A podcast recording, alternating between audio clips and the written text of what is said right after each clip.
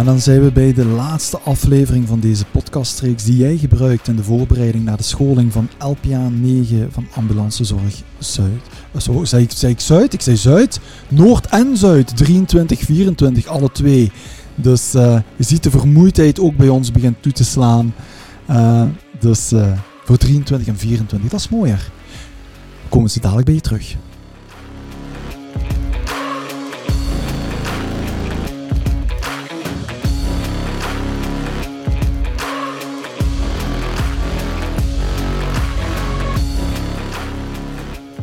Ja, daar zijn we weer, hè.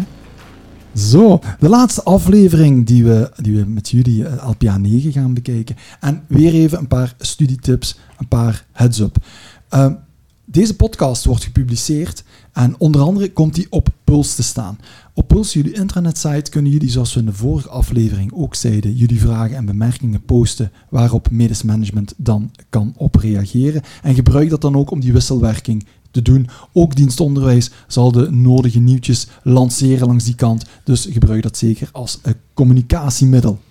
Nu, voor deze laatste aflevering gaan we even specifiek in op de procedures die, die verder vermeld staan in jullie LPA. En dan kijk ik vooral naar shock, reanimatie, tachycardie, waarbij we de levensbedreigende items toch wel gaan bespreken. En dan nog wel een paar, eh, een paar leuke protocollen zoals standletsel en tetanus-indicatiestelling.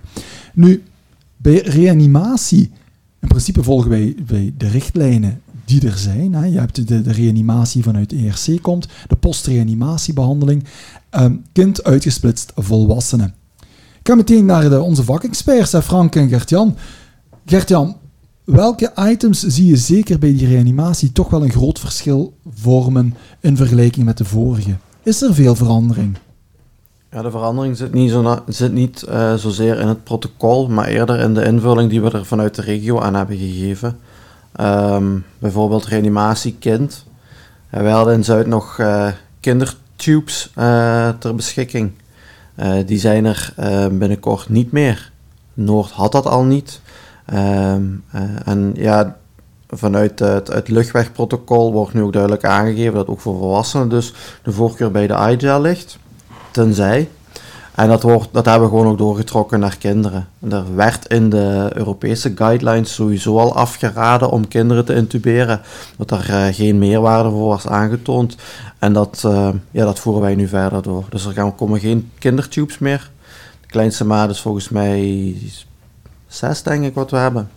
En laryngoscoop bij overigens wel beschikbaar, omdat je nog altijd een laryngosco- laryngoscopie moet kunnen doen bij een, eh, een vreemd voorwerp of een eh, mogelijke verstikking. Maar dat is eigenlijk wat we al besproken hadden bij, bij, bij die breeding. Hè? Ja. Want we hadden gezegd dat de eerste lijn is altijd die, die iGel. Ja. Hè? Of nu, nu, nu ik wel een type merk, maar dat is die iGel. Eh in tweede instantie ga je dan eventueel endotracheaal intuberen, maar dat was enkel en alleen bij als je een positieve eh, druk ging hebben eventueel. Ehm, en, en voor de rest verder niet, hè? Nee, maar die escape heb je dus niet meer bij kinderen. Die uh, endotracheale intubatie, die, die, die mogelijkheid hebben we dus niet meer. Ja, en moesten we dan toch in de problemen zitten, adviseer je dan ehm, de, de, het MMT in te roepen als hij een luchtweg moet hebben? Of, of hoe beschrijft Ja, reanimatiescan is volgens mij sowieso een indicatie voor een uh, inzet MMT. Ja, oké, dus dan zijn die mannen toch daar, hè? Ja, of vrouwen, vrouwen. Oh, dat klonk even heel seksistisch. Wel, absoluut niet de bedoeling. was gewoon een, verspreking zoals ik er vandaag nog wel een paar heb gedaan. Um, dus die reanimatierichtlijnen voor kind is dat wel een grote verandering. Voor volwassenen dan trouwens ook, want die endotracheale intubatie verschuift daar ook naar uh, tweede instantie. Um, verandert er voor de rest veel uh, bij die uh, twee protocollen dan? We hebben nog een toevoeging um, uh, in zaken traumatische uh, reanimatie. In regio 23 was er al het HOT-protocol helemaal uitgewerkt. Dat hadden wij in uh, 24 niet zo expliciet gedaan, um, maar in LPA 9 is die gewoon mee opgenomen in het uh, reanimatie volwassenen protocol. Alleen hebben ze ja, vergeten of bewust niet het woord of de acroniem HOT benoemd, maar het staat er wel uh, onder het titeltje traumatische circulatiestilstand staat er ook gewoon opgezomd wat er dan dient te gebeuren. Um, ik kan misschien even een zijspoor maken, want we hebben ook uh, uh, het verhaal van de thoraxnaald uh, afgerond. een paar jaar geleden was er een incidentmelding over het toen in gebruik zijnde device, dat was de pneumodart, waarbij er een ehm, ja, metalen ehm, ja, punt eigenlijk eh, in de patiënt overbleef, achterbleef. Maar ehm, een incidentmelding he- heeft eh, aan, de aan, aan de oppervlakte gebracht dat die eh, beschadiging van het myocard kan veroorzaken als die tijdens de reanimatie gebruikt worden. Bleek achteraf een eh, slechte vertaling van de gebruikshandleiding geweest te zijn, want daar stond in de Engelse versie wel degelijk een contra-indicatie voor, voor reanimatie, maar die was niet meer vertaald. Toen is die naald ervan afgehaald. Hebben we teruggevallen op de oude naalden wat we hadden en ondertussen hebben we gekeken naar een andere eh, of naar een nieuwer device. En dat is de Pneumofix. Pneumofix. Ja. Pneumofix. Pneumofix Naam als een klok, hè? Ja, ehm, die verstanden. ehm, eh, Regio 23 had nog een inruil ehm, overeenkomst met de fabrikant. Dus die gaan eerst de pneumodart naalden. eh, nee, de pneumodart niet, maar de... Die naalden alleszins. Ja, T-Pack?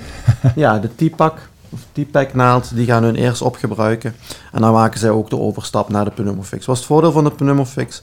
Eh, het is een lange en een dikke naald. Ehm, en het geeft eh, aan de hand van een, eh, een groene indicator aan als de thoraxwand doorboord is. Dus ja, je weet het of je weet het niet, maar eh, de, de, de oudere naalden die slagen er vaak niet in om de thoraxwand te doorboren. Eén, omdat ze te, te, kort waren. Dat is met eh, recentere naalden eh, wel opgelost. En toch bleek dat 20% van die naalden niet in de thoraxruimte terechtkwamen. En de bedoeling is om met deze naald, ook omdat die wat langer is, maar met name omdat hij de indicator heeft, die gaat weergeven als de weerstand wegvalt op het moment dat je de thoraxruimte hebt bereikt. Eh, en dan kun je hem dus, eh, net zoals het je een infuus opvoert, ook hier eh, de katheter eh, invoeren in de thoraxruimte van de patiënt. En we, we hebben altijd de met claviculaire plaasopaling aangeleerd. Die blijft ook behouden. Maar daar komt een tweede mogelijkheid bij, conform wat de AVA en de TEC al aanleren. En dat is ook in de voorste midaxillaire lijn. Dus die zal ook mee onderdeel zijn van de scholing in het voorjaar. Ja, dat is genoteerd. Hè. Francisco staat in de scholing dat we daar eh, verder op ingaan. Ja, dat is een belangrijk onderwerp. Ja, dat vind ik wel. Dat eh, meegenomen is, ja. Ja, ah, dat is goed dat we dat gedaan hebben. En dus inderdaad, als de wijziging, maar ook weer als die wijziging definitief is, je krijgt een heads-up wanneer het materiaal verspreid wordt en zo. Want ook de beademingsballon, heb ik begrepen, wordt vervangen naar disposable Ja. beademingsballonnen. Dus daar zijn die wijzigingen. Nu, als ik het goed begrijp, ERC gaat volgend jaar, gaan die niet, die nieuwe richtlijnen, wanneer komen die eraan? Ja, tegenwoordig is het elk jaar hè, dat er wijzigingen zijn. Hè. Het is niet meer, het is niet meer zo dat het allemaal verzameld wordt. Hè. Ja. Gelukkig hebben we dan die app die constant update. En dat we niet naar het boekje moeten gaan kijken. Dus door reanimatie hebben we dan toch wel een paar dingen besproken in verband met dat HOT-protocol. Ehm, nog iets wat we willen vermelden van de reanimatie? Denk je dat dat... Er- Er zijn, er zijn wat nuttige toevoegingen geweest bij het volwassenenprotocol. Op zich eh, wisten we het al, het is nu wat handiger terug te vinden. Eh, dus dat is wel een fijne toevoeging. Oké. Zeg, en dan komen we bij het eh, protocol shock. Daar hebben ze... Maar ga ik er nu te snel door als ik zeg dat ze het gewoon goed uiteengetrokken hebben? Dat we van shock naar de verschillende fases, ay, fases, verschillende types van shock ja. gaan en die ze goed beschreven hebben.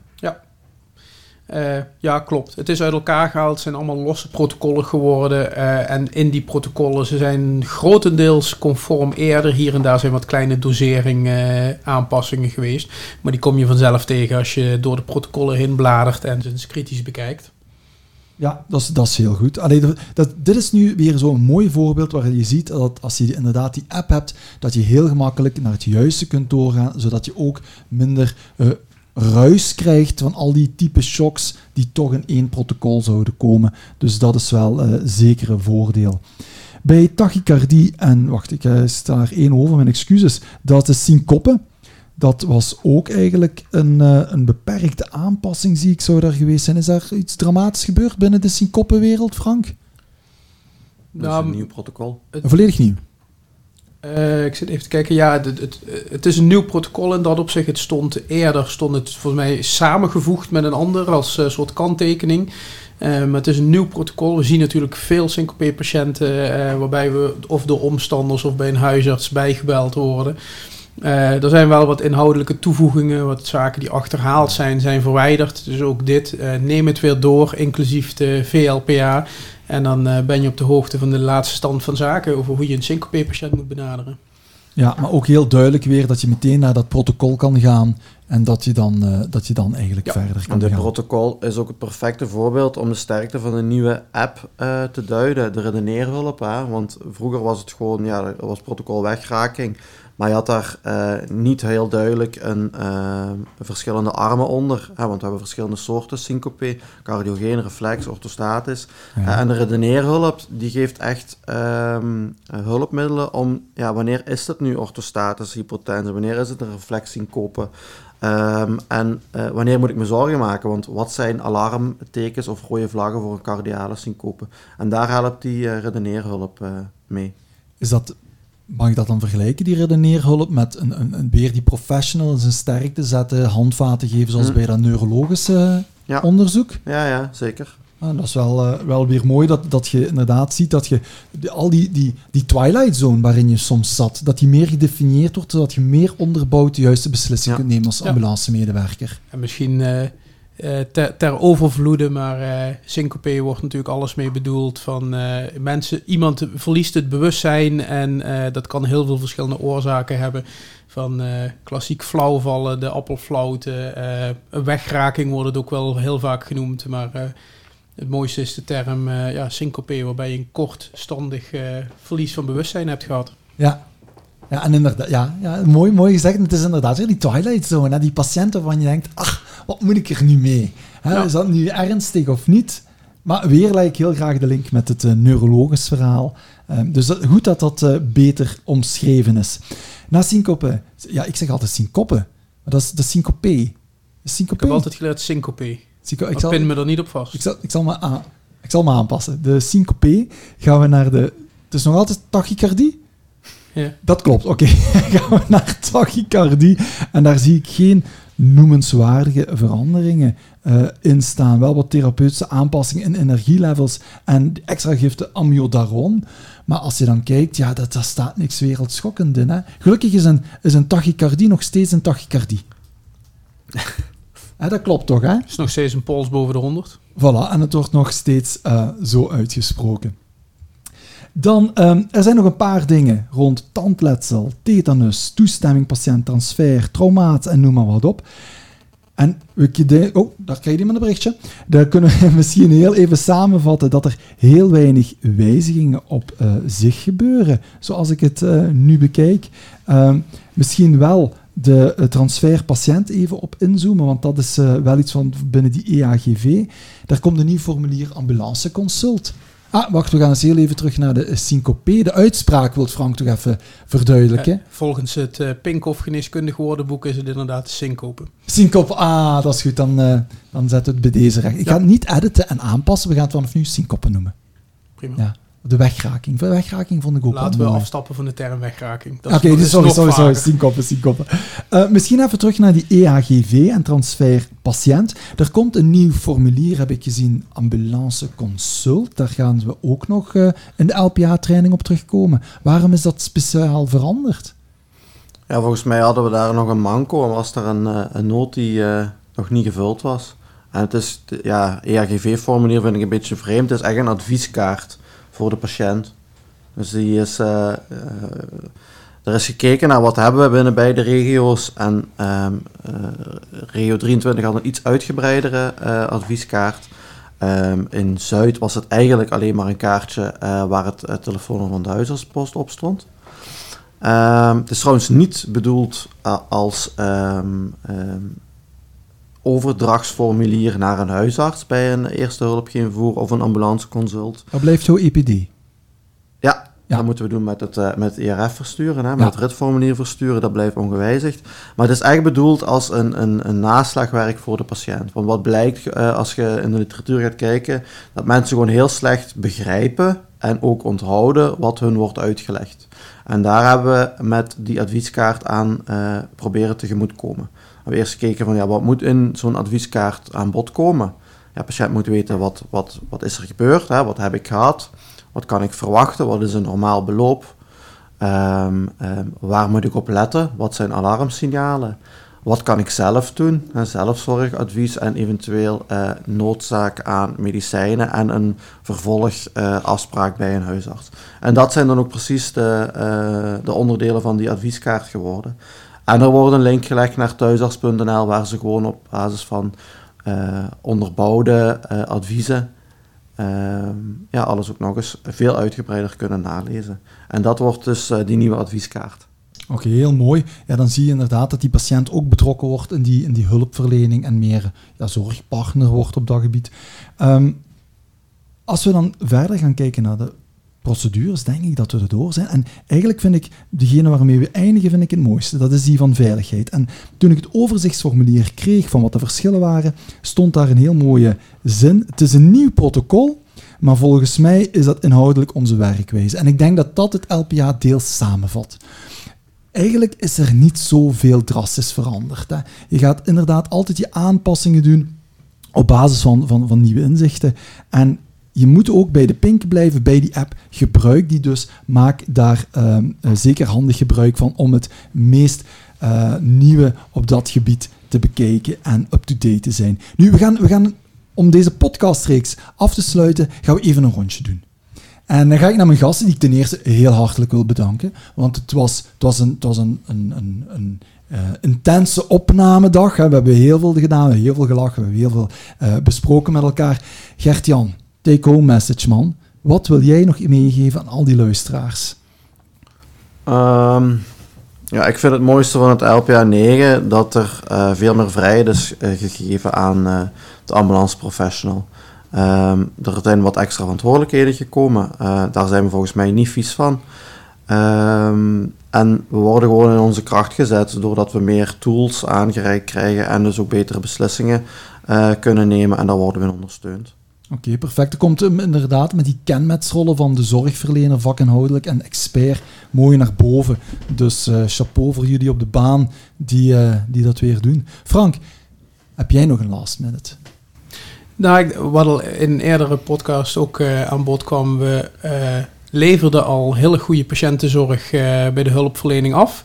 Met de, ja, de, ontwikkelingen in het LPA 9 proberen we die patiëntenzorg altijd naar een nog hoger niveau te tillen.